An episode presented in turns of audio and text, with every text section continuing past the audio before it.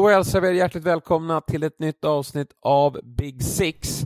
Vi har eh, precis valt att stänga av tvn mellan Brighton och eh, Everton är det som spelas just nu när vi spelar in det här avsnittet på grund av att vi kände efter typ fyra försök att det inte blir särskilt bra med livepoddande för våra lyssnare.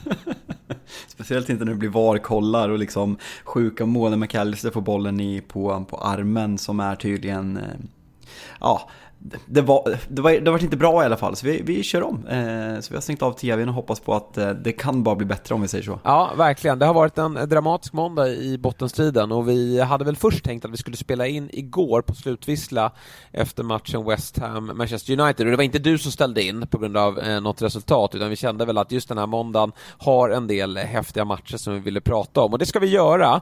Men vi börjar väl med eh, lördagen ändå då Big Sam då var tillbaka i Premier League på Etihad och det var ju tuffast tänkbara start för eh, den gamla dinosaurien när han då får möta eh, seriesuveränen eh, City. Men det höll ju på att bli eh, väldigt spännande det där. Ja, alltså det är så svårt att analysera den här matchen. Alltså City är ju så överlägsna som man kan vara. Men eh, resultatet och missade straffen och det sena reduceringsmålet gör att det blir lite nerv i slutet där. Men äh, alltså det, det är något att bygga moralhöjare för Leeds. Eh, när man på något sätt hade gjort sig inställd på att det skulle bli 4-5-0 den här matchen. För att City känns som ett lag som passar Leeds väldigt dåligt. Eh, så att man kan ta med sig att man, att man stressar City på slutet tror jag är jävligt viktigt för Big Sam och, eh, och Leeds. När man ska in i, i den här bottenstriden de sista tre matcherna. Ja, alltså två 2-1, det, det, låter ju nästan som att det, det är en bra eh, återkomst för Big Sam och att Leeds gör en riktigt bra match. Jag ska inte säga att de, de gör inte en dålig match, men med lite skärpa från eh, City och, och framförallt då eh, Håland som, som eh, gjort en, en hel del mål i år men, men just i den här matchen så, så var han väl kanske inte helt skärpt.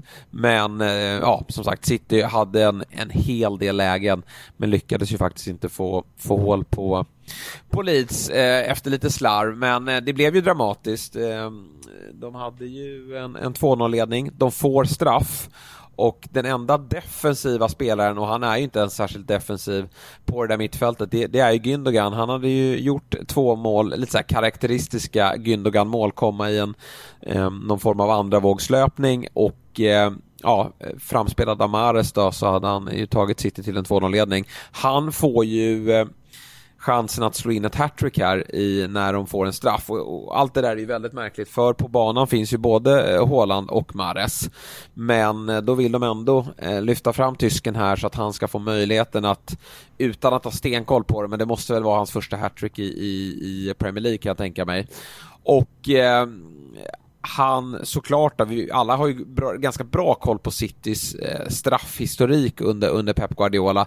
Det är ju inte det laget som, de får väldigt många straffar, men de bränner ganska många straffar eh, och har ett ganska dåligt straffsnitt. Man har ju provat sig fram eh, med många olika straffskyttar, men de mest säkra skyttarna har ju varit Mares, som givetvis har någon miss han också, och, och Haaland som har väl bara en miss egentligen i, i eh, senaste kvartsfinalen här mot Bayern München. Men Gündogan ska få kliva fram. Han bränner såklart den och i, i, ehm, eh, i eh, bara minuten senare så, så gör ju Leeds 2-1 och man ser att Pep Guardiola, han är ju, han är ju rasande. Sen har ju Leeds ingenting efter det och de hade inget dessförinnan heller. Men eh, lite dramaturgi blev det, men eh, det var kul att se eh, Peps eh, frustration där över att eh, Gündogan klev fram och, och brände 2-1, eh, eller brände att gå fram till 3-1.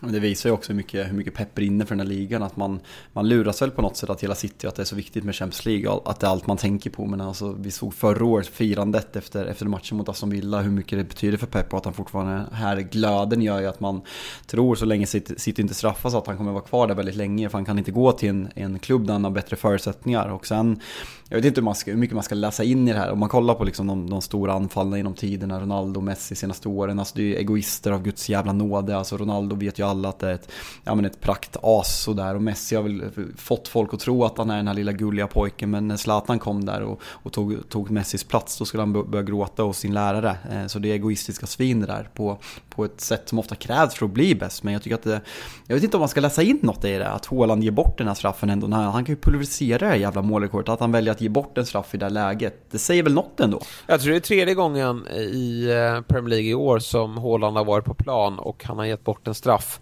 Jag tycker det är helt skumt med tanke på hur bra han har slagit dem också. Visst, han har den där straffmissen som var helt...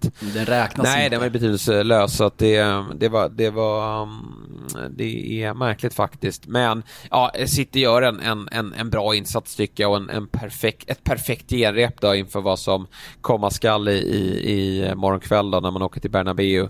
Eh, KDB tillbaka i, i startelvan och eh, ja, han hade absolut kunnat hamna i poängprotokollet om såväl Håland och, och eh, övriga då som, som Phil Foden tror jag också har ett riktigt bra läge. Alvarez har ett bra läge när, när eh, KDB spelar in så att det, det hade kunnat bli betydligt fler mål framåt. För Leeds del så var det inte den här matchen man, man kanske skulle ha tagit poäng då men, men, samtidigt finns det inte jättemånga matcher kvar heller att, att eh, ta poäng i då så att um, det var uh, hade varit riktigt skönt för, för Big Sam att få med sig en bonuspinne härifrån men det är bara att ta nya tag. Jag tror Newcastle här nästa som väntar på, på Ellen Road och, och, kanske att det här var en, en, en boost för dem som de eh, eh, kan eh, ta med sig vidare då när det är bara tre matcher kvar. Men det är klart att det är en smäll för dem nu då att Everton eh, ser ut att gå mot eh, tre eh, väldigt starka pinnar mot, eh, mot Brighton då. Eh, I övrigt då på lördagen, eller under lördagen, så spelade ju också eh, Liverpool-match mot Brentford. En match som jag trodde på förhand skulle bli, bli målrik och eh, där, där båda lagen skulle ösa på. Det var en ganska underhållande match men, men det var ändå ett eh, ett Brentford som, som eh, ja, egentligen inte fick hål på, på Liverpool. 1-0, vilket ju kändes ganska rättvist i slutändan ändå.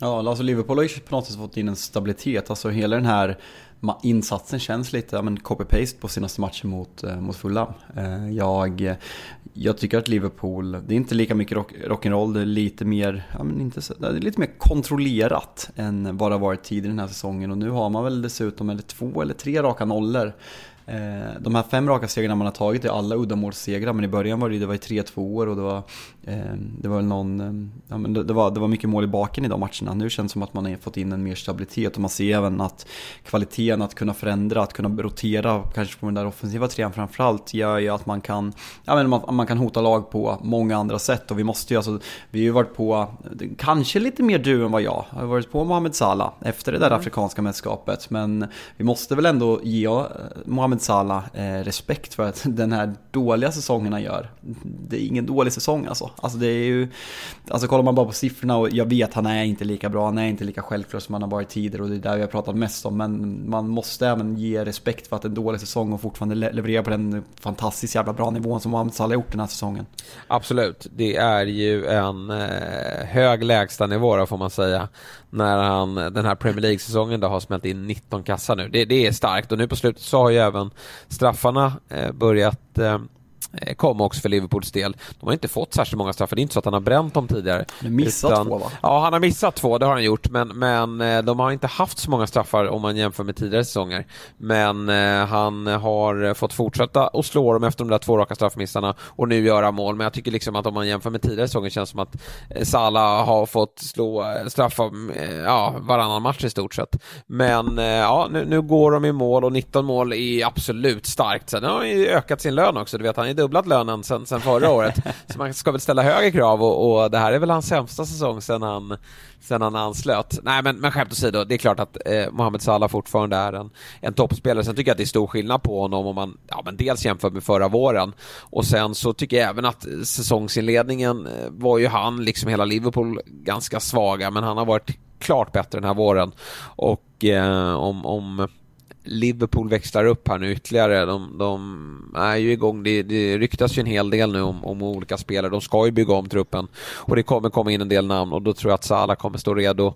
Han känns eh, i allra högsta grad motiverad. Tycker också att det, det funkar bättre när nu inte Trent i, i, i samma position kanske som, som eh, han var eh, tidigare då, utan nu, nu är det lite mer den här fria rollen där han kliver in centralt på ett mittfält. Men jag tycker ändå att, att han har jackat upp och blivit en bättre offensiv spelare. Han sätter ju inte bara Salah i lägen utan han sätter ju övriga Liverpool, eh, övriga Liverpool-spelare i lägen i, i parti och minut så att han, han, att han har jackat upp det betyder mycket för eh, Liverpool och Trent har vi givetvis varit på. Han har inte Eh, gått att känna igen förrän, ja, förrän några matcher sen då. Men annars är det spännande då med, med ryktet som, som eh, verkar vara hetast då. Det är ju att just eh, McAllister som gjorde 4-1 målet här mot Everton, som jag har ju velat se som Hendersons ersättare. Han verkar vara väldigt nära Liverpool nu. Mm. Jag såg eh, Ornstein som brukar skriva jävligt bra saker i sin, eh, i sin måndags, måndagskolumn på The Athletic. Han, han pratade i morse om att um, vad heter det, McAllister skrev nytt kontrakt om det var i oktober men att det finns någon klausul. Klausulen är inte som vanliga klausuler men det finns en klausul som gör att han kan lämna för klubbar. Det var så här jätteluddigt men så i alla fall, det, det talar väl för att det ska kunna bli något lättare för Liverpool att värva McAllister. Moises Caicedo ska tydligen ha samma klausul. Sen vad det är, det återstår att se och det ska bli väldigt spännande men det känns ju inte som att det kommer bli så en chans för Saga där det, där det slutar som det gjorde med Manchester United och Anthony att det liksom är en, en, en dragkamp hela året Forward, ska han gå, ska han inte gå? Liverpool bör torska en match och sen så över, över, eh, överbetalar man och lägger miljarden på honom liksom på, på deadline day. Så uh, det känns som att den här dealen kommer bli klar ganska tidigt. Liverpool har agerat väldigt bra på, på transfermarknaden de senaste åren när man har bestämt sig för vad man vill ha. Och, eh, jag har inte namnet i huvudet nu men det, det kommer ju upp nu rykten att en tysk har blivit eh, första på, på önskelistan när det gäller, vad, vad fan blir det? Eh, vad fan är rollen? Sportchef. Sportchef, exakt. Teknisk direktör, sportchef. Fan, det är så svårt!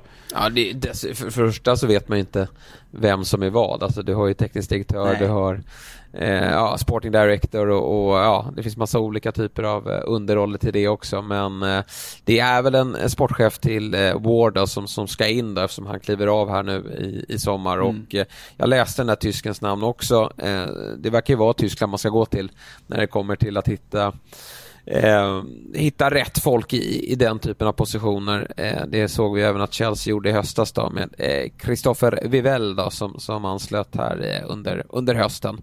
Men Liverpool är ju eh, i eh, ändå allra högsta grad med nu då i eh, Champions League-racet. De, de kommer ju att gå rent. Det, det, har vi väl konstaterat. Aston Villa är väl den, den tuffaste uppgiften kvar och den ska man inte ta lätt på.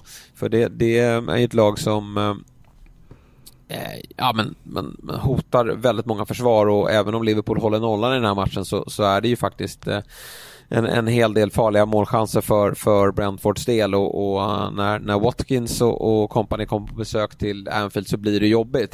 Men det känns som att Liverpool som, som spelar nu bara en match i veckan och har bara ett uppdrag och det är ju en ganska trivsam position också att jaga. Och, och det alla pratar om nu då, det är ju att eh, United ser ut att klappa ihop. Ja, nej, jag, eh, jag mår fan inte alls bra eh, gällande det här. Och jag tycker matchen igår, om vi snuddar över med den mot bortamatchen mot West Ham, alltså att det är ett extremt håglöst Manchester United utan energi, utan finess. Och jag, eh, vi pratade, jag tog upp den frågan till dig när jag liksom pratade att har man lurat sig själv att tro att det här laget är bra. Att man har börjat känna känslor för ett Manchester United. Alltså att jag tyckte om ett Manchester United, alltså klubben älskar jag. Det, det, jag hoppas ni förstår skillnaden. Men att man får ett lag som man kan känna, att man kollar på spelare och känner jag tycker om den här spelaren. Jag, han bidrar med glädje i mitt liv. Ehm, jag börjar känna nu, är det Marcus Rashfords sanslösa form som har liksom smetat över att det här är precis samma jävla pissiga Manchester United som det har varit de senaste tio åren som Sir Alex eh, slutade. Jag såg att, att idag på dagen var tio år sedan han annonserade att han skulle sluta. Eh, och jag, sen alltså Lisandro Martinez och Rafael Varane skada är, eh, drabbar laget. Eh, man är slutkörda, man jag tror att man drabbas av Erik Ten Hags eh, ovilja att rotera i, eh, när man har spelat eh, ja, klart mest matcher i hela Europa. Men eh, det är för dåligt. Man förlorar rättvist mot West Ham. Eh, ett dåligt West Ham eh, på bortaplan. Eh, och jag har svårt att sätta fingret på vad det är. Det, det är bara frustrerande. Ja, nej, det är en... Alltså West Ham tycker jag gör en, en riktigt bra match måste jag säga. De har ju verkligen fått ordning på bitarna och det är jättekul att de ska få, få spela en eh, Conference League-final som, som skulle betyda en, en seger där skulle betyda massor. Nu ska det först spelas semifinal va? Men, men... Ja. jag, jag, är redan... Du vet, du vet så när man är i balansgången, ska jag märka ord ja. eller ska jag skita i det? Jag har dem redan vidare i den där eh, Ja, I den där semifinalen. Det är visserligen eh, AZ och Alkmaar de ska möta då, men, men jag, jag, jag hoppas och tror så pass mycket att de tar sig till en final. Det, det borde de fixa och, och, nu när de liksom har, ja, eh, det är inte i, i um, teorin, det kanske blir ikväll, är klart för att de hänger kvar. De har väl sju poäng ner tror jag till, till eh, strecket. Eh, nej, det är ju tre omgångar kvar, så det, det säger sig självt. De, de har inte säkrat det någonting, men de kommer lösa det. För att det skulle, det skulle innebära att alla de där lagen ska, ska plocka tre poäng här mot slutet. Det kommer de definitivt inte göra. Så att segern igår mot Manchester United innebär ju att West Ham spelar i Premier League nästa år. Man såg ju det att det var, det var stor glädje, Moyes var lättad, eh, Declan Rice som, som gör en riktigt bra match var ju otroligt glad. Och, och de, de står för en sån här klassisk West Ham-insats när, de är, när de är tunga, kommer med mycket fart och, och eh, ja, stabila bakåt också. United står väl för en, för en ganska bra forcering tycker jag och har ju bra lägen mot slutet men, men det är lite som du är inne på, energin har tagit slut och, och många av de där spelarna har ju fortfarande inget där att göra. Weghorst har spelat alldeles för mycket. Martial, man vågar inte lita på honom. Han kan inte spela så här mycket utan där måste man ju vara sparsamma. Och det kanske inte är den här matchen, det är väl snarare Wolves i nästa match som, som passar honom bättre. Så att det är, ja, det är ett United som inte alls eh, kommer upp i den nivån som vi eh, såg, ja men dels tidigare på det här året, alltså 2023, men, men även under hösten och Eh, det, det, eh, vet inte, det har väl du bättre koll på hur, vad förväntas man, man, man ha att värva för i, i, i sommar? Det har väl med ägarsituationen att göra också kan jag tänka mig, men det behöver ju rustas en del här för att United ska vara ett utmanarlag, men, men innan vi, vi vet också gällande budget så handlar väl allt om att försöka lösa topp fyra liksom. Ja men det är jätteviktigt, alltså folk pratar om Harry Kane. Harry Kane kommer inte gå till Manchester United om man inte kan erbjuda Champions League-platser. Och en sak som jag tycker är fascinerande är om man kollar på, alltså Villa-matchen är liksom en stabil, jämn prestation över 90 minuter. Man ryggade tillbaka lite i andra halvlek och eh, Aston Villa har några chanser. Men i matcherna eh, mot Brighton i andra halvlek i fa Cup semifinalen, andra halvlek mot Tottenham när man tappar 2-0 till 2-2. Brighton, jag tycker United är bra i första halvlek, vi pratar där, faller igenom totalt här också. Man faller igenom i andra halvlek och det är det som tyder på att det är det här med att spelarna är utmattade, att de har spelat för mycket och för att Erik Hag inte har vågat rotera. Och gällande det du frågar med transferbudget så sägs det ju att United har haft strul med FFP eh, och att budgeten och i grund och botten oavsett vilken ägare som kommer in kommer ligga på ungefär 100 miljoner pund och sen så får man sälja spelare. Sen är ju känslan att finns en bra tillfälle att kanske få in lite pengar på spelare. För vi eh, kommer ihåg när vi satt i Big Six i rörlig form och pratade om Dan James var ju, om det var typ den näst dyraste försäljningen eh, sen, de, eh, sen, David Beckham för att man har varit så fruktansvärt dåliga på att sälja spelare. Nu har man en, ja, men en Harry Maguire, en Scott McTominay kanske, kanske, kanske, jag vet inte vad man ska göra med Fred om man ska gå vidare där. Men det, det finns i alla fall spelare som man kan sälja. Samma sak med Martial och Sancho, man måste börja ta beslut på de här spelarna. Så alltså, jag hoppas ju verkligen att man ska göra något som man har varit direkt svagt på historiskt. Eh, att det kan öka upp budgeten lite för det känns verkligen som anfallare är ju prio ett. Sen går ju en debatt i United-led om det är målvakt eller central mittfältare som är prio två. Eh, jag eh, är väl lite tudelad där. Jag har varit riktigt trött på David de Gea efter den här insatsen och hans spel med fötterna framförallt. Men jag tycker inte att Christian Eriksen är tillräckligt bra för att starta i Manchester United långsiktigt. Och det, jag tycker det är tydligt att han, han orkar inte spela mer än 60 minuter och hålla kvalitet över det. Han byts ut typ snitt 65. Det, det går inte att ha det så långsiktigt.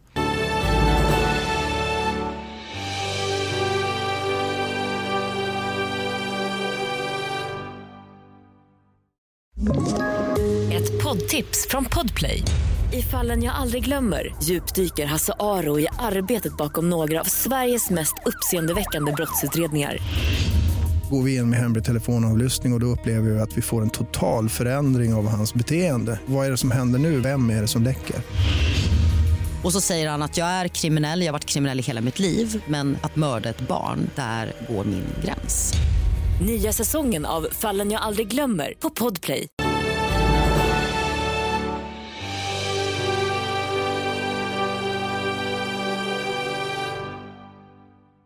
Det känns väl som att Eriksen också är en, en, en bra spelare att ha i en trupp. Han, han verkar ju vara en kanonkille och, och, en ledare men, men han ska ju inte vara en, en, en startman i ett lag 2023-24 eh, där, man, där man utmanar om, om eh, topplatserna utan eh, han får nog eh, vara en, en del av en rotation. Och sen har vi ja, målvaktsfrågan, den blir ju högaktuell. Erik Niva tycker väl, eller tyckte precis som du då, det det är väl lite tudelat där ute. Framförallt så, så sa ju Ten Hag, han, han gick ju ut och uttalade sig om att nej men vi vill, vi vill förlänga med de Gea. Sen är det ju, ja. är det ju lätt att säga så också för det, nu vet vi om att de Gea är ju den bäst betalda spelaren i klubben. Och, och, att Ten Hag då kliver ut och säger att vi vill förlänga, det, det är, jag vet inte vilket kontrakt som läggs på bordet. Men det är klart att det sker. Det, alltså, jag, jag, då, dåliga källor, men det sägs att han har tackat nej till 200 000 pund. Eh, och ja. att United inte kan garantera att han ska vara första målvakt. Okay. så här, du vet din plats i hierarkin. Du har gjort jättemånga bra räddningar men du har förstört jävligt mycket och ditt spel med fötterna gör att Manchester United inte kan bli där Manchester United, jag har känslan av att Erik Ten Hag vill att vi ska vara. Jag vet inte, från att avgudat Erik Ten Hag till att, man börjar ställa sig frågor. Ehm, det är klart att han ska få nästa säsong på sig. Men ja, frågorna har börjat verkligen komma upp i, i huvudet. Hur, hur bra han är och hur rätt det är. För jag, jag ser fan ingenting i det här laget. Och jag tycker att det till stora delar är tränarens ansvar att det ser så här dåligt ut. Och det ska han ha skit för. Även om säsongen i stort är ett ja, men ett väldigt stort steg i rätt riktning så ser jag väldigt mycket problem och frågetecken för framtiden vilket är jävligt oroande. Hör du skillnaden på mig att jag i, i måndags, när fan spelade vi in senast i fredags, då var jag arg. Nu, nu är jag bara besviken. Mm. Nej men fortfarande så, så är ju... Eh, Äh alltså läget är ju bra. Nu, nu är det ju Verkligen. en poäng ner till Liverpool och en match mindre tre spelad. Tre, tre hemmamatcher, tre varav, varav Chelsea i etta laget som, som, som är ju trots, trots segern senast. Och, och det är väldigt bra då att de vann den här matchen, så nu, nu kan de ju verkligen checka ut här och ett, ett United som är så pass starka på hemmaplan och har allt att spela för. Det vore, det vore helt otroligt om man tappar det och det är ju bara att ta vid vid, den, vid det vi pratade om sist. att säsongen i sin helhet kommer man på femte plats och, och vinner en ligacupfinal och är en FA-cupfinal på förhand. Inför säsongen hade du ju faktiskt tagit det. Men nu när vi står här i, i vår, eh, när vi går mot en, en, en kollaps, så är det såklart att det, det är frustrerande. Men, men det, vi landar väl ändå i en, i en i en rätt okej okay första säsong av eh, Ten Hag. Det var inget kul läge och med Ronaldo här under hösten, det har varit turbulent och det har varit skador och varit lite för mycket matcher. Man, man kanske inte förväntade sig att man skulle gå så här långt i alla kupper och eh, att man, man skulle åka på så här mycket skador. Det är ju en del eh, skadebenägna spelare i det här laget så att det har varit en, en kämpig säsong för Ten Hag. Så att eh, det, det finns verkligen eh, saker att eh, ta med sig och bygga vidare på men jag tror att man behöver en, en, en en eh, säck pengar och, och det kanske frigörs då eh, om, man, om man lyckas eh, eh sälja spelare. Men eh, ja, det, det, det blir eh, nervöst här för dig på slutet och kanske då att det, ni får lite hjälp här av, eller kanske ett, att ett annat lag också skulle kunna Eh, kollapsa. För det är inte bara Manchester United som Liverpool hoppas ska förlora matcher. Utan kanske då att Newcastle, att det börjar sprida sig lite demoner i, i, i eh, spelarnas huvuden där. Om vi eh, pratar om att det är många United-spelare som, som kanske inte... Det finns ju många vinnare och många, många med erfarenhet men, men alla kanske inte har eh, kämpat för, för den här typen av... Eh, eller jo, det kanske man har va? Jag tänker efter. De flesta har ju varit i Champions League i det här laget. Ja, alltså det har, det har de väl. Eller hur? Som, ah, det, det är ju inte på samma nivå. Eller pratar vi United eller Newcastle New, nu? United, Newcastle har ju inte ja. varit den. Där, ja, där kan jag tänka mig att de börjar fundera på var de, alltså, var de befinner sig. Men, men United-spelarna för, för, ska ju inte... För de, det United gör nu, nej. Eller hur? Nej, alltså det United gör nu har man ju ändå erfarenhet för. Ja. Uh, jag känner det. Det, det. det, tycker jag verkligen. Men däremot liksom... Newcastle, där känner jag väl att det skulle kunna vara som så att det smyger in sig en, en viss oro. Schemat är ju bra och man har också den här bufferten ner till Liverpool. Men... De är bra. Ja. Alltså, de är, alltså matchen mot Arsenal, med.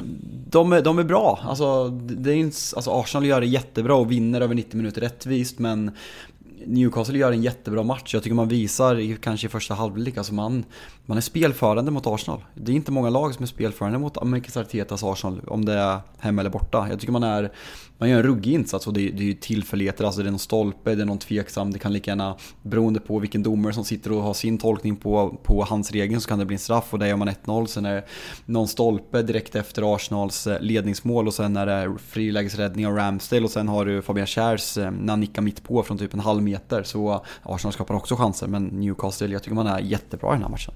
Ja, jag håller med. Det är, det är framförallt en otroligt underhållande match där vi ställde oss frågan hur, hur det kunde stå 1-0 ett tag där. Det blev ju till slut då, eh, 2-0 från, från Arsenal, men det var ju målchanser åt, åt båda håll och eh, jag tycker ändå att eh, sett till, till över 90 minuter så visar ju Arsenal, jag tycker det är en, det är en häftig insats ändå att åka dit i det pressade läget som är där. Det är inte många som tror att Arsenal ska eh, ta den här titeln nu, men, men de visste att de, ja, vi måste vinna här. Det, det är det enda som, som eh, som krävs och, och, att åka till, till Newcastle på St. James' Park och, och, ta tre poängen, äh, men det, det är styrka och man visar att man tydligt i alla fall är Englands näst bästa lag. Men eh, en, en, en, underhållande match där det är många spelare man vill lyfta fram. Jag tycker det var modigt av Arteta faktiskt att bänka Partey som ju mm. har inte alls gått att känna igen här mot slutet. Han har ju gått ner sig under eh, ja, men de, de sista veckorna, sett till hela säsongen, så har vi väl lyft fram honom som kanske den,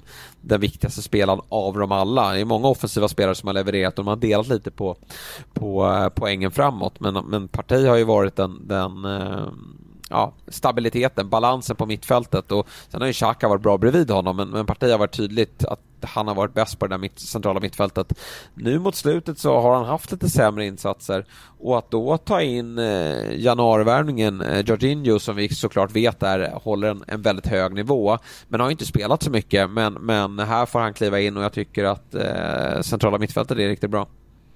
Och på förhand så känns det som en match som hade passat Thomas Partey med fysiken ännu mer. Och jag tycker, jag, jag såg en tweet, jag, jag läste inte eh, artikeln ska sägas. Eh, men jag, rubriken löd i alla fall att Arteta hade använt förra årets eh, eh, video från när, när Arsenal torskar mot Newcastle uppe i, på St. James' Park i slutet när man, när man missar Champions League. Att han hade visat klipp från All or Nothing, den matchen, hur håglös det var. Och reaktionen efteråt för, som en morot. Jag tyckte man såg på det här Arsenal, den här matchen, hur långt man har kommit som lag. Alltså hur långt man har kommit, alltså hur mycket tjafs det är på den här planen. Jag vet att vissa blir provocerade av att se Arsenal på det här sättet, men jag om, om jag bara tar bort mitt supporterskap så älskar jag att se det. Jag, jag ser en Xhaka som tidigare inte har kunnat hålla känslorna i styr, som nu är en ledare. Ett psykfall, men på rätt sida gränsen hela tiden. Jag ser Gabriel Jesus som ställer sig upp och liksom bröstar upp sig mot Kieran Trippier och liksom trashtalkar honom. Jag ser Sinchenko som är en ledare på sitt sätt, även om hans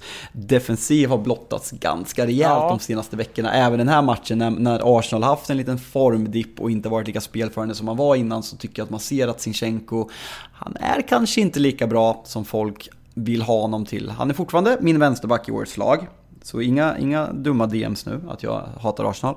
Men jag tycker man ser, man börjar förstå varför Manchester City släppte honom. För det finns en tydlig defensiv eh, brist här och man, släpper, eh, man eh, slänger ändå in Kieran, Tierney eh, väldigt tidigt i den här matchen. Om det är 59 minuten för att Sinchenko nej, men blir en kona där ute. Och det här har vi sett mot Liverpool, vi har sett det i matcher också. Eh, så det här, jag säger inte att det är ett problem. Sinchenko har varit fantastiskt bra den här säsongen. Men jag har noterat det. Ja, du behöver inte försvara dig. Jag håller med och jag tycker, jag ser det bland Arsenal-supportrarna också. Det är inte dig jag försvarar, det är inte dig jag, försvarar Jag vet ju verkligen att du får höra sen, men jag håller med om att, men det jag tycker även så här, Arsenal-supportrarna har ju också varit på honom här mot slutet. Det, han går inte riktigt att känna igen och, och det kan ju vara som så att nu har ju inte Arsenal spelat lika många matcher som eh, United har gjort den här säsongen, men jag tycker att det är många som är slitna. Jag tycker att Saka inte riktigt går att känna igen. Parti har vi nämnt, han får sitta bänken här nu och, och, och Sinchenko, han, han är ju som bäst när Arsenal är som mest spelförande ska sägas, för då, då kliver han in på den här centrala positionen och kan ju till och med dyka upp ute till höger ibland eh, för att han, han har en så pass fri roll. Men, men här får han fokusera mycket på, på försvarsspel och att, att ha så stora problem med, med Jacob Murphy, även om han är, är, är i bra form, men det är ett litet underbetyg. Då, då finns det bättre yttrar faktiskt i, i Premier League, som, så att den där spelaren ska han kunna tygla. Jag tycker att Sinchenko har varit svag, får se om, om Arteta vågar lyfta ut Sinchenko här nu. Han betyder ändå mycket i, i, i, i som, som, ledare och jag tycker väl att det kanske inte att han ska bänkas men, men han är nog under, under uppsikt.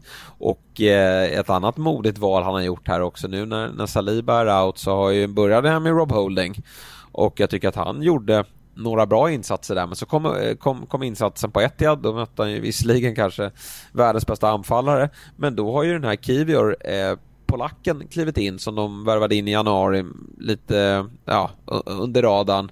Men han kom ju från Spezia, alltså italiensk eh, dassklubb, alltså ligger ju under strecket där ja. i, Serie A så det är ju ingen spelare som har varit i närheten av att spela eh, på den här nivån, eh, liksom en högt stående backlinje men, men han gör ju faktiskt bra bredvid Gabriel.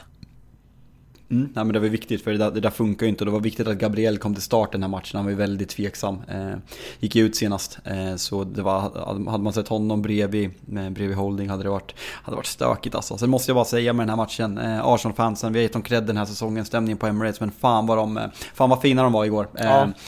Pierre Team på plats och vi vet eh, Ja, men han är ju otrolig Pierre Tid. Vi, ja, vi, kan lika gärna ja. slänga in, han måste hyllas. Alltså, han är... nej men alltså superlativen räcker inte till för att beskriva hans jävla vår han gör. Som en fruktansvärd respekt för, för det Pierre gör nu och att han får se de här matcherna och att han nej, men fortfarande vågar tro liksom. Även om man såklart tror att City vinner jävligt, jävligt fint. Men eh, Arsenal-supporterna ska ha cred den här matchen eh, för stämningen de bidrog med. Eh, jag tycker att Arsenal, alltså lyftet Arsenal-supportermässigt har haft, även om jag kanske personligen inte är ett fan av de här, vad fan de heter, Ashburn Army eller vad fan de heter. De här eh, hobby-ultras-gubbarna som eh, har, har kommit eh, och bidrar med stämningen. Det, det, känns inte riktigt äkta för mig, det känns inte engelskt. Eh, men stämningen överlag på, på Emirates den här säsongen och framförallt på St. James's i, igår, bara, bara hatt av. Fem, fem jävla puss. Mm, och då är det ju svårt att, ja men St. James's där, där håller ju hemmasupportrarna i regel igång också väldigt bra. Men jag har mm. också tagit del av de bilderna. Det har varit, det var en riktigt häftig inramning.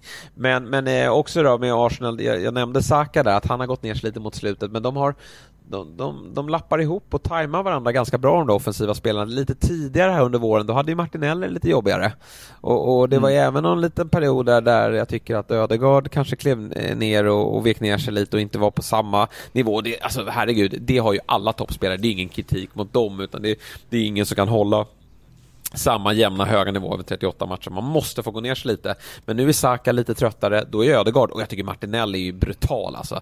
Han, han hur bra är, han, hur bra är, är Martinelli? sinnessjukt bra, alltså vilken spelare. För, för, för tror inte du att när vi går in i nästa säsong, han kommer ju fortfarande vara lite underskattad. Ja. Alltså man kommer tänka så här, hur bra är han? För man, det är så nytt att han är så bra. Han kom liksom in i slutet, eh, började spela våren förra säsongen och var så här, ja men det, det, finns saker men det är en lång väg kvar. Men den här säsongen han har gjort, jag tror fortfarande att man man ser hans namn och underskattar honom för han, alltså han är inte med i årets lag men det är inte långt ifrån alltså. Folk pratar att Saka fått det här genombrottet till en världsspelare, Martin Ödegård har också fått det men Martinelli är ju precis på samma nivå. Pratar man liksom alltså hur bra jämnhet under hela den här säsongen, att man har varit bra i alla typer av matcher så är han där uppe. Martin Ödegård har haft problemet att han har vikt ner sig ganska tydligt i stormatcherna. Här är han jättebra ska sägas, men överlag den här säsongen tycker jag att han har gjort det. Ja, nej, ja, det superlativen räcker inte till tycker jag till, till eh, Martinelli. Någon av dem i Nej, båda två är helt otroliga, men alltså han är uppe på 15 strutar nu, eh, Martinelli den här säsongen och Ödegaard är väl också det eh, efter, efter målet. Han ska ju dessutom göra en balja till där Nick Pope gör en superräddning. Men, men eh, i, i Martinellis fall då, nu vet vi att Real Madrid har ju den bästa i världen på just den positionen i, i form av eh, Vinicius Junior. Just nu då, ja Mbappé spelar väl där också då, men, men han räknas inte. Men, men Vinicius Junior är ju helt sjuk. Annars tror jag att en sån klubb som Real Madrid hade varit intresserad av Martinelli. Eh, jag tror att det är inte bara de största klubbarna i Premier League.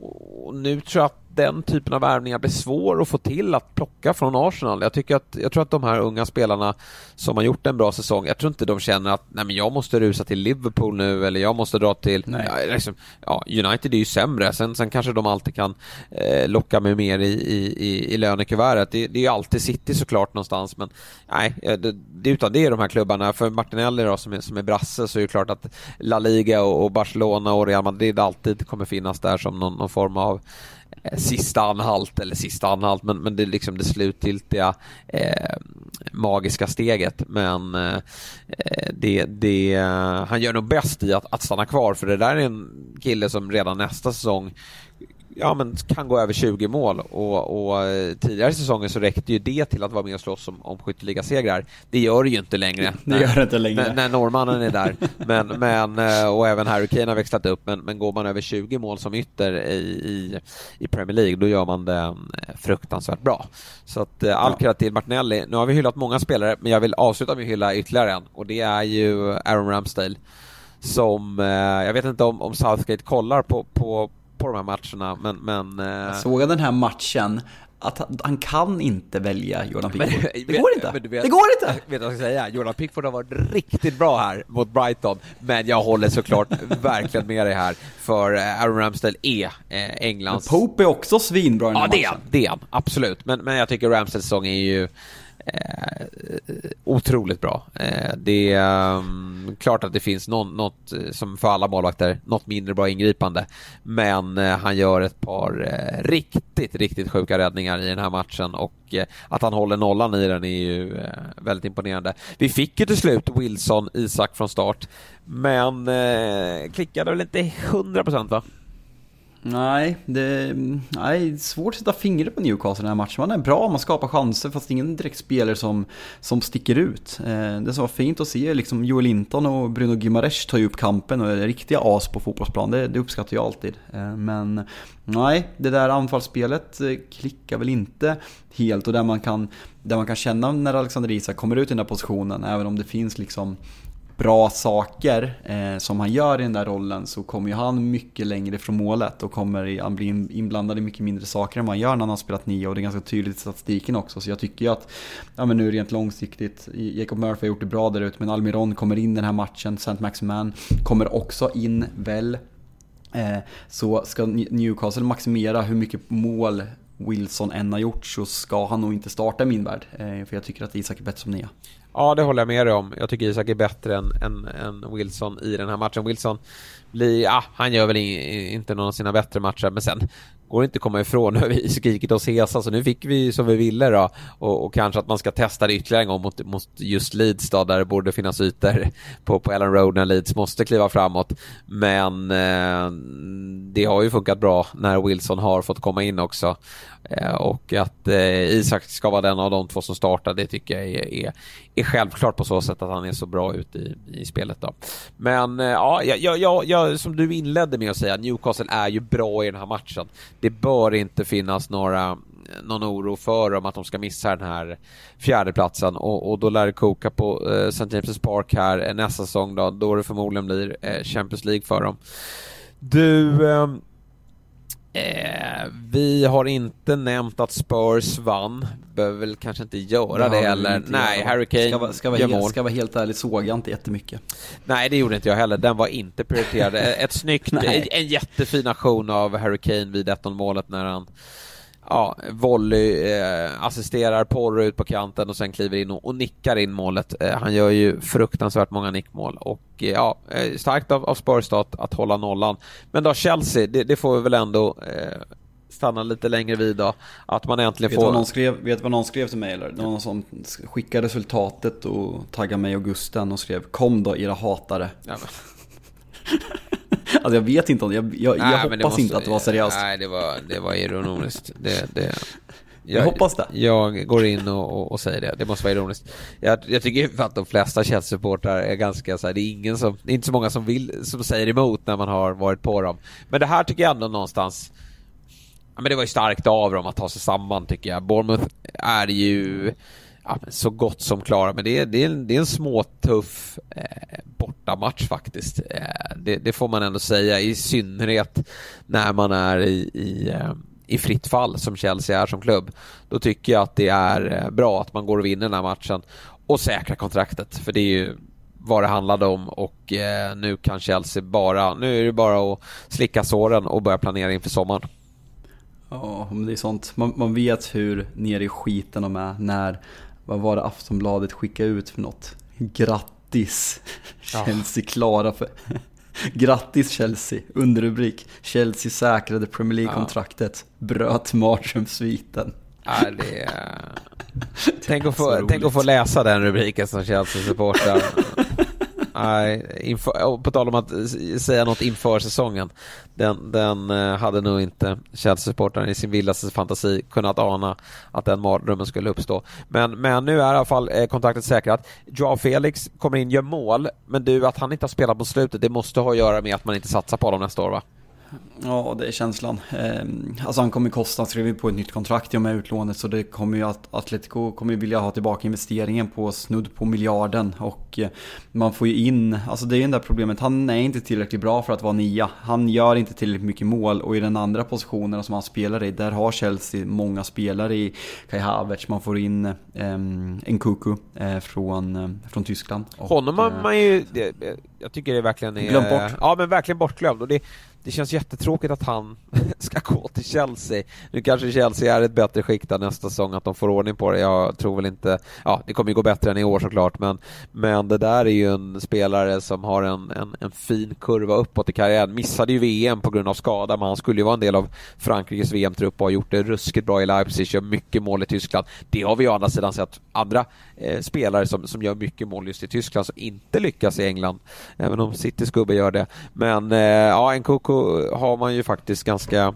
man har ganska mycket förväntningar på honom. Hoppas att han eh, lyckas leverera i detta dysfunktionella eh, Chelsea. Mm, det ska bli kul att se vad de gör. Vi hade ju Fredrik Pavlidis med i Fotbollsmorgon lördag i lördag så han pratade yes. om det. Att jag tror att det, tror att det är säsongen Ehm, 14-15 när, när Mourinho året efter han vinner så kommer man väl typ så här 8 eller 9 och det är väl Chelseas sämsta eh, poängmässiga skörd på typ 20 år. Eh, året efter så kommer Conte in och man vinner. Ehm, så det, det, går ju att vända, truppen är ju bra. Alltså jag tror inte att man kommer vinna men det är inte osannolikt. Det hade ju inte varit tidernas skräll om Chelsea slutar topp 4 nästa år för truppen är ju på plats. Det är ju väldigt högkvalitativa fotbollsspelare. Får man till det med tränare, krydda med något namn till så finns ju chansen. Så vi kan skratta åt Chelsea nu. Tro mig, jag passar, jag passar på, jag gör det. Och jag kommer fortsätta göra det tills den här säsongen är slut. Men jag har jätterespekt för att man inte ska räkna ut Chelsea nästa, när vi drar igång nästa säsong.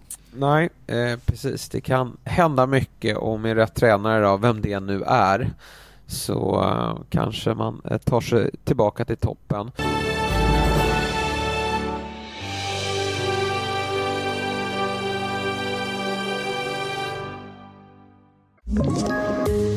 Poddtips från Podplay. I podden Något Kaiko garanterar östgötarna Brutti och jag, Davva, dig en stor dos skratt. Där följer jag pladask för köttätandet igen. Man är lite som en jävla vampyr. Man har fått lite blodsmak och då måste man ha mer. Udda spaningar, fängslande anekdoter och en och annan arg rant. Jag måste ha mitt kaffe på morgonen för annars är jag ingen trevlig människa. Då är du ingen trevlig människa, punkt. Något kajko, hör du på podplay. Därför är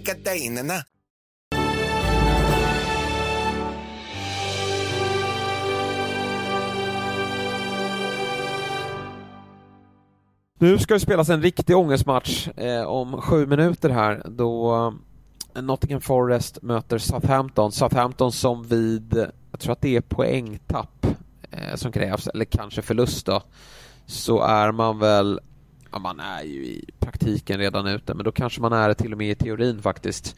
Räknar du hem i augusti? Ja, den räknade faktiskt hem i augusti när jag hade Southampton åka ur. De har ju varit uppe i Premier League sedan säsongen 12-13 då, så att det, det tio, år, tio säsonger blev det i Premier League eh, och, och, nu åker man ur och det är ju ett, det är verkligen ett klassiskt lag.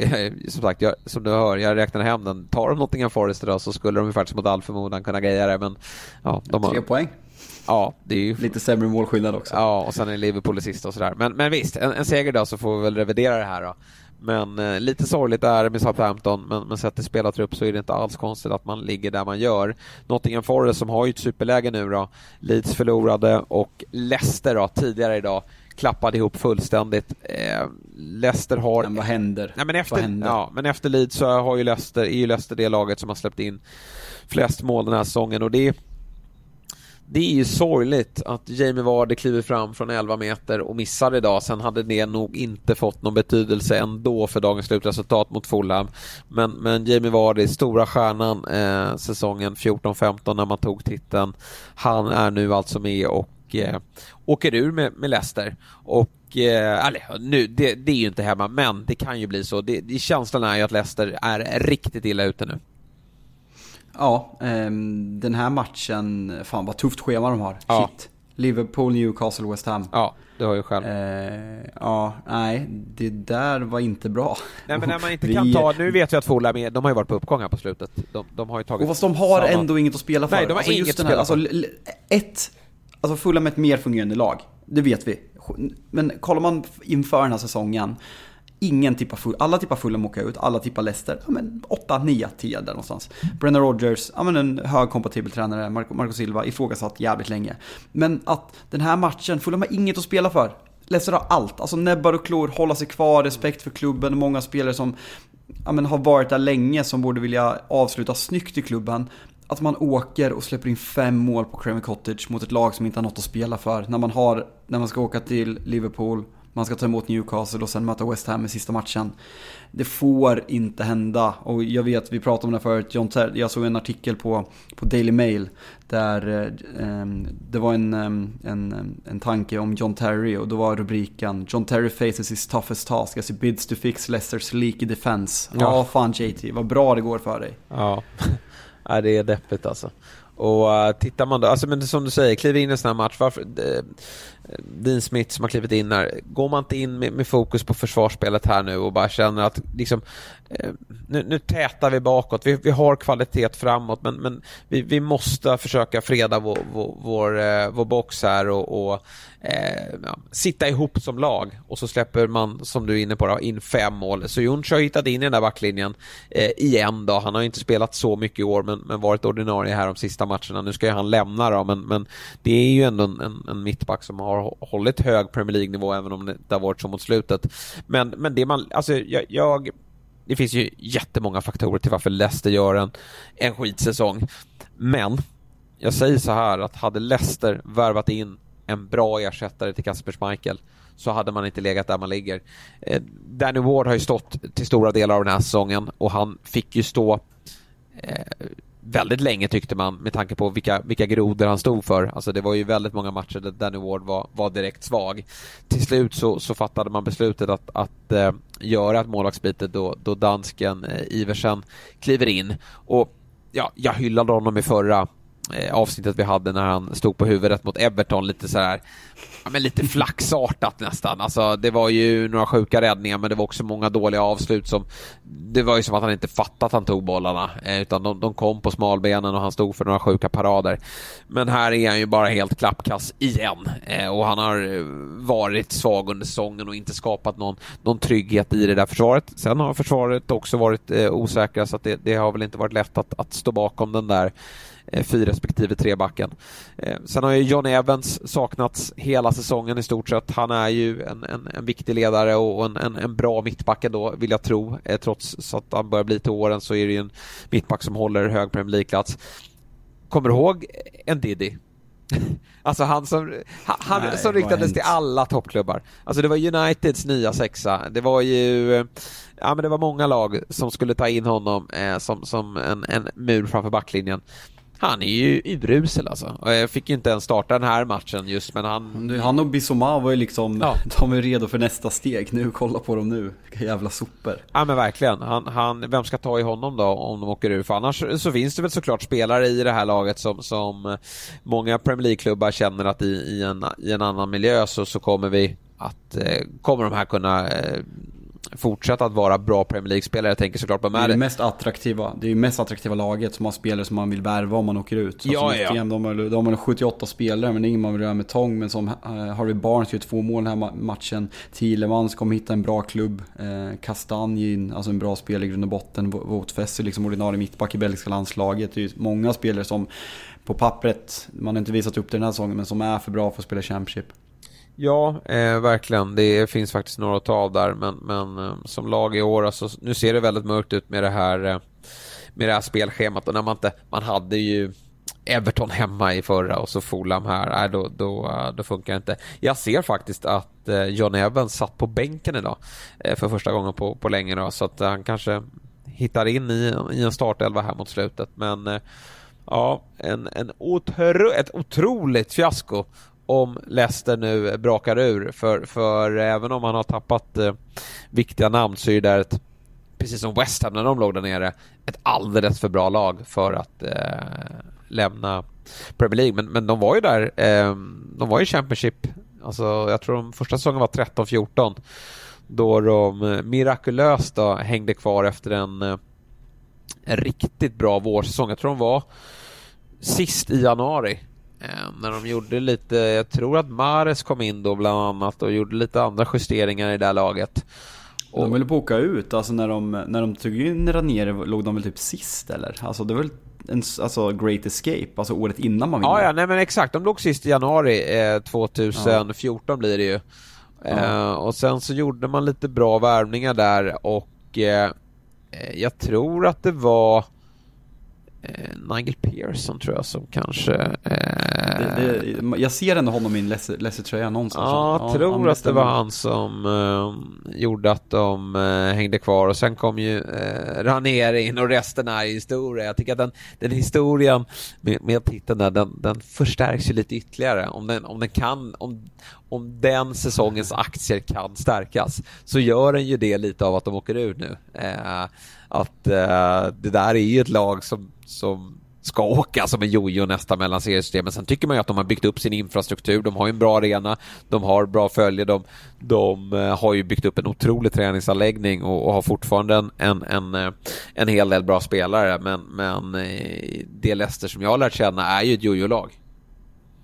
Ja, men man, man blir ju lätt blind av en säsong. Alltså en säsong man gör bra där, sen gör man bra i Champions League året efter, går till slutspel och sen så har de här två säsongerna när Brennan Rodgers jävligt länge legat på Champions League-plats och sen tappat det och slutat 5-6 i Premier League. Men i grund och botten är ju Leicester, Leicester ska inte vara, Leicester är ett jojo-lag som du säger. Så man, man blir så lurad över och ser liksom att de tio senaste åren är fakta. Man ser ju Southampton som ett, nej men de ska vara i Premier League. Ja, men de har inte alltid varit i Premier League, de är inget klassiskt lag på det sättet. Så man blir ju väldigt, man blir blind av, ja men de senaste fem, kanske framförallt tio, men även de, de senaste fem åren. Eh, vilka lag man själv tycker ska vara i Premier League. Medan ett lag som Nottingham Forest är mer klassiskt i grund och botten än många av de lagen som finns i Premier League just nu. Mm. Eh, så är det. Och sen då eh, att Everton tar en 5 men, men, men, den här säsongen är ju spektakulär på alla sätt och vis. Det är ju bara, det hade ju varit för, för eh, att man verkligen ska minnas säsongen hade ju varit om Arsenal gick och vann den. Nu, nu ser allt eh, ut som att eh, allt pekar på att City tar den.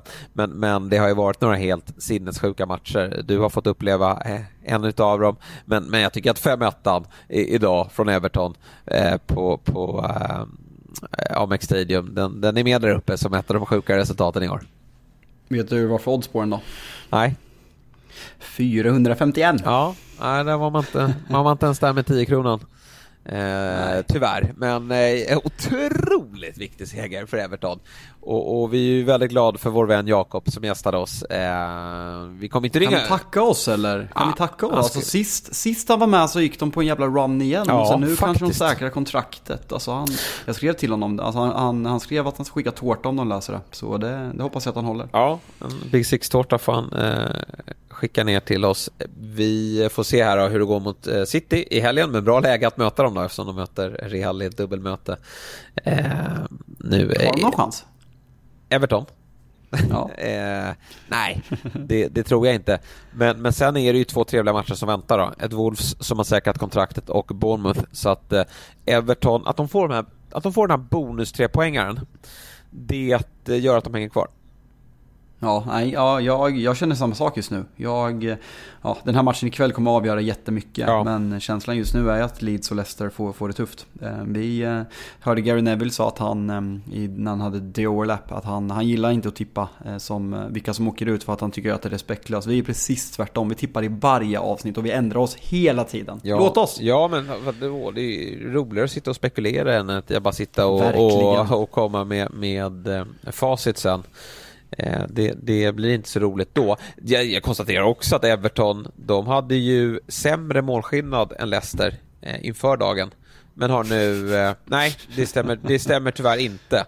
Men däremot Leeds hade de sämre målskillnaden och den har de nu faktiskt bättre än. Så att det där, de där fyra plusmålen man tog idag kan ju betyda jättemycket. Det är synd dock att inget av de här lagen möts här nu i någon i eh, slutskedet. Då. Vi har ju mm. Forest Southampton som vi ska slå på här alldeles strax. Det blir en härlig ångestmacka men i övrigt så hade man gärna sett ytterligare ett möte.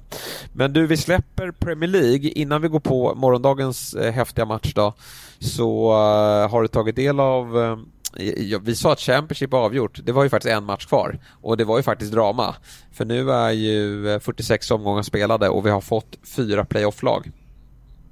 Jag, det spelades idag va? Ja. Eller var det igår? Idag. Ja.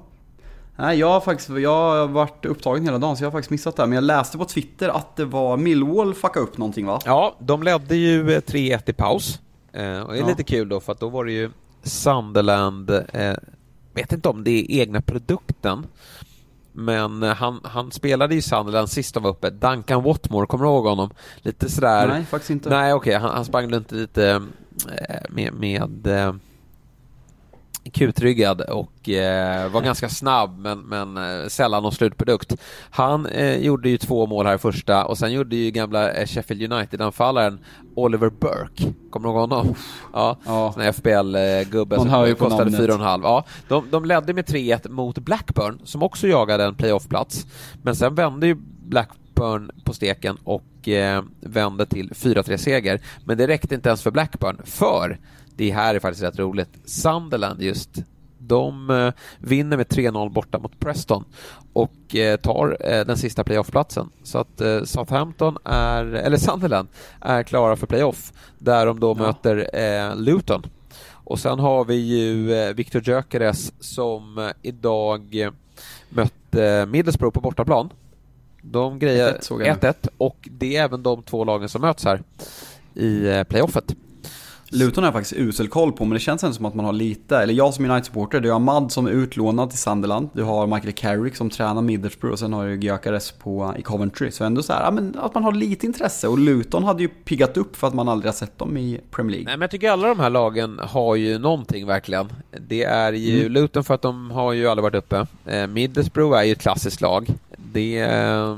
Sunderland också, alltså det är alltså nordöst, ja. nordöst, så att Newcastle får lite rivalitet där uppe. Alltså man vill, jag gillar ju att man sprider ut. Alltså nu är det alldeles för mycket lag nere i, nere i London, nere i söder, alltså så här kust, kust, eh, kustlag. Nu ryker ju troligtvis Southampton, så där får du bort ett kustlag och sen så. Men alltså så att Nottingham får upp ett lag. Jag saknar ju, eh, ja men så här, när Wigan, Bolton och Burnley, alltså det ligger jättenära Manchester så det är väldigt bra bortamatcher. Men jag tycker att det är för lite utspritt och framförallt i nordöstra, så något av de lagen hade man inte klagat på. Eh, och Coventry då, som man ju också har, eh, de minns ju verkligen jag från Tips Extra-tiden där mm. när eh, Roland Nilsson, Antonelius och Hedman var uppe. De har ju verkligen inte, de har inte varit uppe sedan dess då och eh, med, med Victor Gyökeres, även om jag känner så här att Går Coventry inte upp så kommer Gyökeres spela i Premier League nästa säsong också. Det, det är ju väldigt många som rycker i honom. Senast här Burnley och där kan jag Oj. säga, ja, ehm, eh, det är ju, han kan ju återförenas med kompisen, gamla BP-polaren eh, Hjalmar Ekdal här. Och eh, det hade varit riktigt ballt tycker jag. Det hade ju varit ett bra steg. Eh, Company som för övrigt har ju ryktats till Spurs, men som nu har valt att förlänga kontraktet då med Burnley. Det tycker jag att han gör helt rätt i. Det hade varit riktigt bra övergång för Gyökeres, men han vann eh, Championships poängliga här såg jag. Eh, det är fan mäktigt alltså. Ja, det är faktiskt riktigt starka papper och gör du det då, då blir det alltid eh, då är det alltid någon klubb som plockar det och det är ju andra säsongen i rad här nu som man gör bra. Många som har gjort det bra alltså. alltså tidigare kändes det som att Championship målskyttar floppade lite men kolla så här Kolla Ivan Tony, vad han, vad han gjorde när han kom upp. Nu kommer jag inte på något mer exempel på rak arm bara för det. Men det känns som, det känns, min känsla, som ofta är rätt Eh, är att det är fler. Nu, nu Vem då? Alltså Championship, gamla Championship-anfallare? Nej men det, nej, det känns som att någon mer, alltså Ivan Tony kom upp och gjorde det jävligt alltså, Bamford bra. Bamford var ju ruggig ja, ja. Eh, första säsongen.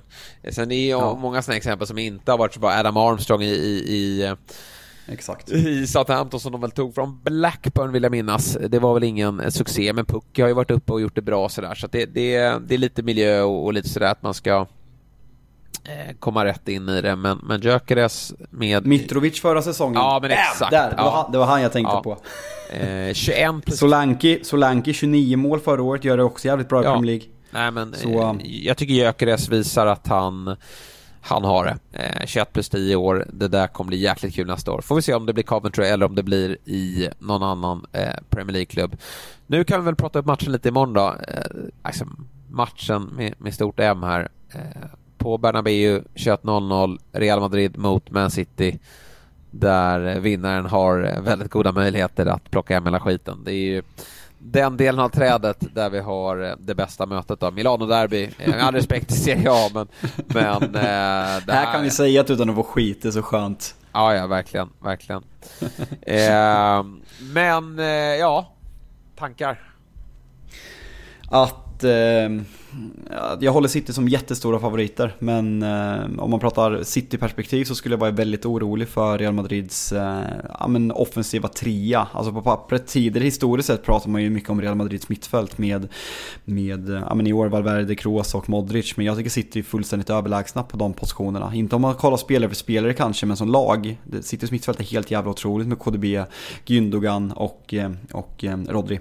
Så där är jag inte, hade jag inte varit orolig om jag var Manchester City, men det är mer mer om Walker kommer spela högerback, hur han kommer kunna neutralisera Vinicius Junior som är helt fantastisk för tillfället. Hur Benzema växte i de här matcherna och hur Rodrigo som gjorde två mål i, i Copa del Rey-finalen mot Osasuna i, i helgen. Hur, vem som spelar vänsterback om man flyttar över Akanji, Ake gick ju sönder igen. Ja, eh, så hur spelar man Laporte där, eller hur gör man? För jag tror att man har sån respekt för Vinicius Junior att man kommer spela Walker till, till höger, vilket han har gjort jävligt bra mot Mbappé, kanske framförallt i VM som tydligaste exemplet. Men jag, jag tror att matcherna kommer att avgöras där. Eh, jag håller som sagt sitt som ja, med ganska tydliga favoriter, men Real Madrid, eh, vi såg mot Liverpool, de, de kan straffa lag på så fruktansvärt många olika sätt. Och jag, jag har respekt för det här Real Madrid efter förra säsongens, hur man lyckades. Det där mentala som sitter i den här klubben som inte går att sätta fingret på. Jag, man ska aldrig räkna ut dem. Så därför, vilken jävla match det kommer bli. Ja, det Matcher. blir otroligt häftigt och att vi får två matcher just det tycker jag är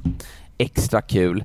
Vi, eh, nej men, ja, Vinicius, både, båda kanterna. Rodrigo har ju, som jag förstått också, växlat upp och, och är ett riktigt stort hot. Där måste ju City vara bra. Men eh, det kommer ju vara ett City som äger mest mål, boll. De, de här eh, offensiva spelarna Benzema, Rodrigo, Vinicius otroligt farliga offensivt men, men jobbar ju inte lika hårt och bra defensivt som, som eh, Bernardo, eh, Haaland och Grealish. Eh, det, det, är liksom verkligen deras styrka är att de, de bidrar ja, de bidrar till laget. Det gör inte Reals på samma sätt. Men ja, jag tycker att tittar man till spelbolagen så, så är City lite för stora favoriter och det, det, baser, det baseras nog mycket på att Real ja, men de skiter i ligan, de har dåliga resultat i ligan, men det är ju alltså, de här gamla världsmästarna och, och Champions League-mästarna och ja, de har ju så många titlar i skåpet att de, de, de knappt kan eh, räkna dem. De, de har ju bara en uppgift kvar den här säsongen nu efter att ha vunnit Copa del Rey i helgen och det är ju att, att vinna Champions League på nytt. Så att det, det, det kommer bli eh, häftigt, eh, ett häftigt dubbelmöte. Stor fördel för City att man avslutar hemma det är ju häftigt det där med Real Madrid att man, att man på något sätt den här matchen, eller hela den här säsongen, att man kände att vi börjar dåligt, vi skiter i ligan. Vi låter, vi låter Barcelona vinna den och sen så går vi för liksom kupperna Och man gör liksom, det känns självklart.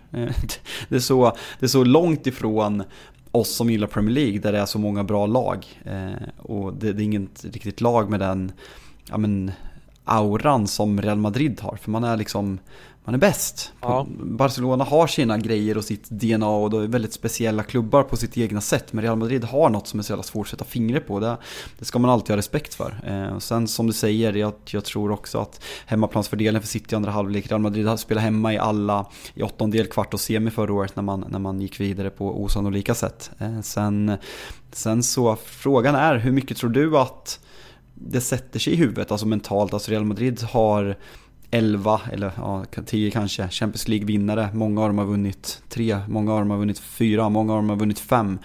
City har många spelare som har varit favorit i den här turneringen. Man har en tränare som har haft det bästa laget i 10 säsonger, om det är ja, men sen, sen 08 när, när han vinner första med Barcelona. Han har bara vunnit två Champions League och det är med Lionel Messis Barcelona 08 och 2011 hur mycket tror du att det sitter i huvudet om det jämför Real Madrids lugn kontra att City övertänker det här och blir stressad av situationen? För att man vet att det är det här de ska vinna? Ja men definitivt att det sätter sig i skallen. Och det, det, kan sätta sig, jag tror att alla kommer att tänka om City nu går vidare, aha, nu är det klart, nu är det väl, ja Inter är ju favorit i det andra mötet. Nu, Sen nu... så failar de. Nej men absolut, alltså herregud, ett, ett italienskt lag ja, som, som tar sig till en final, det, det, de vet vad som krävs i en, en sån typ av match och hur de kan anpassa sig till en, en, en spelförande motståndare och ett City då som, ja men det kommer ju sätta sig i skallen såklart, att de, de, de vet om eh, snacket inför en, en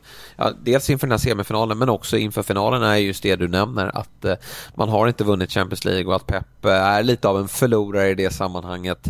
Så det kommer att eh, pratas Vilket om det. Ferguson, alltså, det, det måste bara för att visa respekt mot Pep, alltså så här, han jag håller honom jättehögt. Alltså, det går ju att argumentera för att Sir Alex, att han bara vinner två Champions League under hans år som att ha en av topp fem trupper i, i världen är också ett misslyckande och går att ifrågasätta att han borde ha levererat bättre Champions League också, fick jag det sagt också. Ja, nej men det är jättesvårt att, att vinna Champions League. Det är därför Verkligen. det är så häftigt att Real Madrid gör det så ofta som de gör och de har byggt ett lag som, som är eh, uppenbarligen eh, riktigt vassa på det. Lite sämre ligaspel då kanske, men eh, nej, det, det, mm, det blir en mental spärr eller det är en mental spärr för dem och det är en barriär de måste ta sig förbi.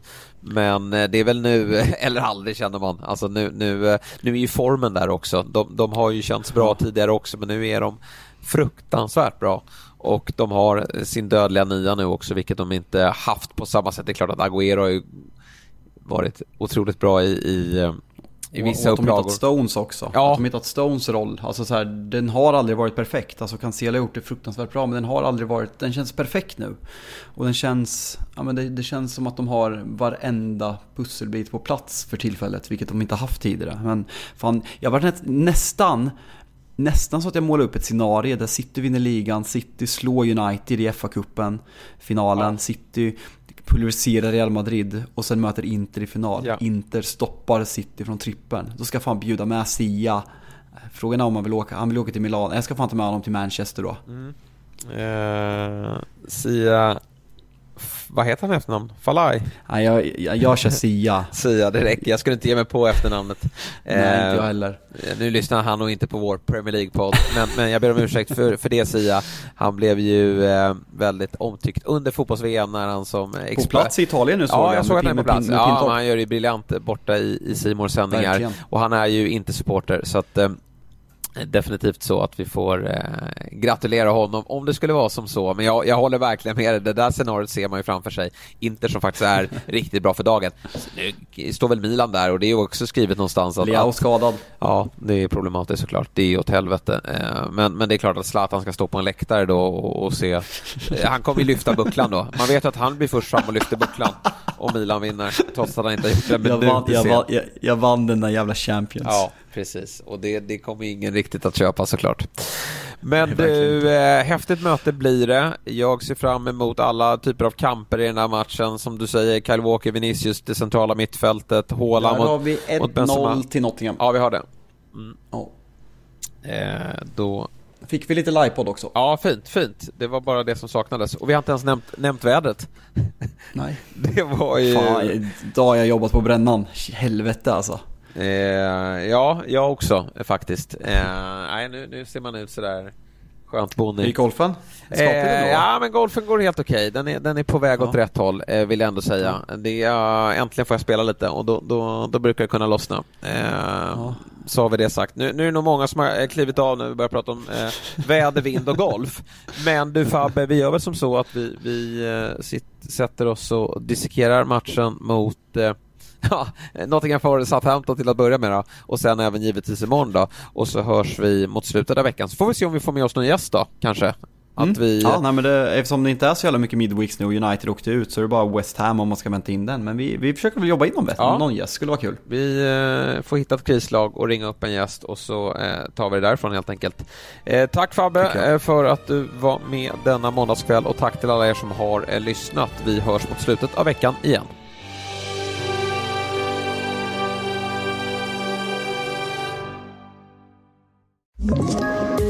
Poddtips från Podplay. I podden Något Kaiko garanterar östgötarna Brutti och jag, Davva, dig en stor dos skratt. Där följer jag pladask för köttätandet igen. Man är lite som en jävla vampyr. Man har fått lite blodsmak och då måste man ha mer. Udda spaningar, fängslande anekdoter och en och annan arg rant. Jag måste ha mitt kaffe på morgonen för annars är jag ingen trevlig människa. Då är du ingen trevlig människa, punkt. Något Kaiko, hör du på Podplay. Därför arkadeinerna.